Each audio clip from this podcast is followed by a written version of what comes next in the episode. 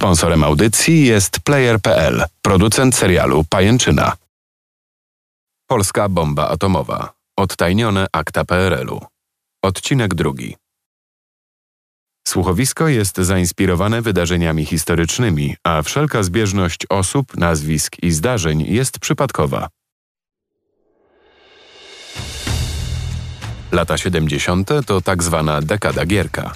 Pierwszy sekretarz różnił się znacząco od swojego poprzednika. Wychował się we Francji, młodość spędził w Belgii. Był otwarty na zachód. Jego marzeniem był szeroko zakrojony program modernizacyjny, który wyniósłby Polskę do rangi lidera w bloku państw komunistycznych. Dlatego zarówno Gierek, jak i partia mocno stawiali na naukę. Lata 70. to również czas dwóch światowych kryzysów paliwowych. Cena ropy naftowej wzrosła piętnastokrotnie. Pozostałe surowce zdrożały niewiele mniej. Dla państw, w których gospodarka była centralnie planowana, oznaczało to prawdziwy kataklizm. W tym gronie znajdowała się także Polska. W listopadzie 1974 roku generał Giedrowicz podjął decyzję. Chciał spróbować przekonać pierwszego sekretarza do sfinansowania jego eksperymentów. Miał w ręku mocną kartę przetargową. Kontrolowana synteza jądrowa, której dotyczyły badania, miała dać Polsce niewyczerpane źródło taniej energii. Gdy w 1974 roku został ministrem nauki, wydawało się, że wszystko układa się po jego myśli. Materiały z podsłuchu w sali balowej hotelu Victoria. Noc sylwestrowa, 31 grudnia, rok 1974. Wszystkiego dobrego w nadchodzącym roku, generale. A, dziękuję towarzyszu sekretarzu. Edward. Mów mi Edward. Powiedział pierwszy sekretarz, nie dając dojść do słowa swojemu rozmówcy. Posłuchaj, do konkretów przejdę. Lubisz piłkę? Wolę pływanie, ale mundial oglądałem. Odpowiedział generał. A widzisz, to mówiąc prosto, ja bym chciał, żeby Polska, nasza Rzeczpospolita Ludowa, była jak na mundialu. Niekoniecznie pierwsza, ale wiesz, w czołówce. Dużo mi o tym nagadałeś, ale efektów nie widzę.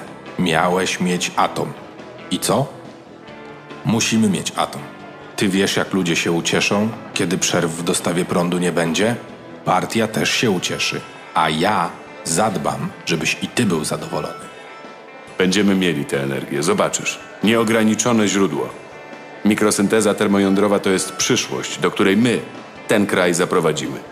Potem będą mówili, że zastałeś Polskę węglową, a zostawiłeś atomową. Tak będzie. A energia to dopiero początek. Generał ściszył głos. Jestem w stanie dać nam broń o wiele skuteczniejszą niż to, co mają Amerykanie. Reakcja mikrosyntezy to. Dobrze, dobrze. Pierwszy sekretarz znowu wszedł w słowo Giedrowiczowi.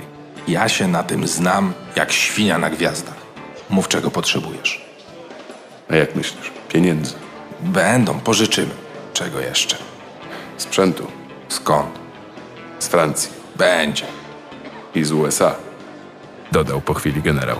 Entuzjazm pierwszego sekretarza momentalnie zniknął. Pomyślimy, co się da zrobić. Jakieś jeszcze życzenia noworoczne? Giedrowicz zdawał sobie sprawę z tego, że jego obietnice są zbyt kuszące, dlatego grał w otwarte karty. Zapewne czuł, że ma gierka owiniętego wokół małego palca. Tak, poligon. Najlepiej daleko od każdego, kto ma uszy i oczy. Odrzekł generał. Po tych słowach zapadła cisza, przerywana jedynie brzękiem kieliszków. Pierwszy sekretarz wiedział, że Giedrowicz prosi o coś niemal niemożliwego do zrealizowania. Mimo to westchnął głośno i odpowiedział. Mówiłeś, że lubisz pływać. A pływałeś kiedyś po jeziorze Solińskim?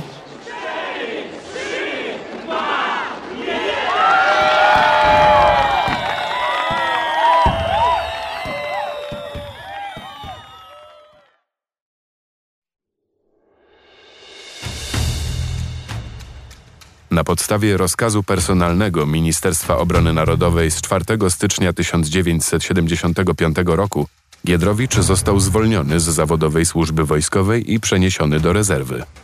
Wysoko postawiony generał od tak znika z wojskowych struktur. W personalnej teczce brak jakiejkolwiek opinii na odejście, nie wspominając już o uhonorowaniu 25-letniej służby. Najbardziej dziwi jednak fakt, że w dokumentach nie było rzeczy, zdawać by się mogło najważniejszej podstawy zwolnienia. Ministrem obrony narodowej i człowiekiem odpowiedzialnym za te decyzje był w tym czasie bliski znajomy Giedrowicza, Wojciech Jaruzelski. Niewykluczone, że taki rozwój sytuacji miał umożliwić generałowi swobodną pracę i badania, które w tamtym czasie zostały objęte klauzulą tajności. Giedrowicz dostał pieniądze i potrzebny sprzęt. Najnowocześniejsze przyrządy badawcze, materiały i mechanizmy objęte zagranicznym embargiem. Sprowadzaniem sprzętu zajmowały się polskie służby specjalne. Nieoficjalnie mówi się o milionach dolarów wydanych przez państwo. Jednocześnie Giedrowicz piastował stanowisko ministra nauki, szkolnictwa wyższego i techniki, zyskał więc ogromną władzę i dostęp do środków pozostających wcześniej poza jego zasięgiem. Pojawia się więc pytanie, nad czym pracował wówczas Grzegorz Giedrowicz? Fragment donosu tajnego współpracownika pseudonim Piołun, byłego pracownika ośrodka kopalń w Ustrzykach Dolnych, 14 marca rok 1976. Po Ustrzykach chodzą pogłoski, że na tych terenach mają się odbyć ważne badania geologiczne. Niektórzy mówią, że gdzieś w okolicy odkryto złoża złota. Zaobserwowałem pojawienie się przybyszów z innych stron, jacyś poszukiwacze przygód. Nie stwierdziłem przybyszów rosyjskojęzycznych. Według zalecenia kontynuuję monitorowanie sytuacji. Z notatki służbowej kapitana milicji obywatelskiej w Lesku Lisiewicza Zenona 21 kwietnia rok 1976 Zgodnie z wcześniejszymi ustaleniami, dziś wraz z kapralem Jóźwiakiem i szeregowcami Jasińskim i Kopczyńskim eskortowaliśmy od Leska delegację z Warszawy wizytującą kopalnię ropy naftowej w Ropience. Nie miało miejsca nic wartego odnotowania. Dwóch towarzyszy rozmawiało z inżynierami. Pozostałych dwóch skrupulatnie coś notowało. Goście obejrzeli i zmierzyli wszystkie instalacje wiertnicze w Ropience. Z nami nie rozmawiali. O godzinie 16.30 odeskortowaliśmy ich do Leska i wróciliśmy na posterunek. Z notatki służbowej kapitana milicji obywatelskiej w Lesku Lisiewicza Zenona, 17 czerwca rok 1976. Kolejna delegacja z Warszawy. Eskorta na trasie Lesko, Paszowa, Lesko. Tym razem delegaci byli wojskowymi.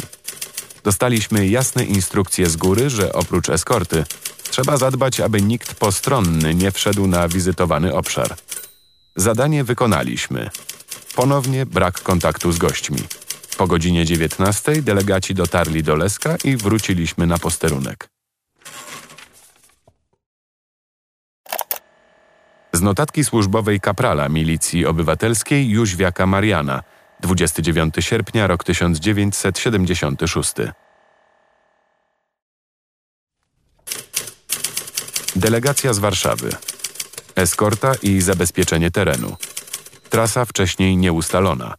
Goście mieli swoje mapy z zaznaczonymi punktami, do których kazali się wieść. Na miejscu okazało się, że to nieczynne sztolnie. Do niektórych nawet nie weszli, do innych wchodzili. W niektórych odpalali petardy, po czym długo rozmawiali i notowali. Generalnie trzymali się daleko od nas. Przed samym powrotem do Leska wywiązała się wśród gości sprzeczka. W pewnym momencie usłyszałem, jak jeden z nich podniesionym głosem powiedział do drugiego. Jak głęboka ma być ta sztolnia? Cholera jasna, przecież ta jest najgłębsza w okolicy. Cierpliwości, odpowiedział mu drugi wojskowy. Na tyle głęboka, żeby towarzysze radzieccy nie usłyszeli.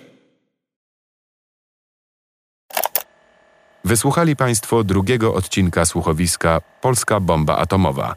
Odtajnione akta PRL-u. Sponsorem audycji jest Player.pl, producent serialu Pajęczyna.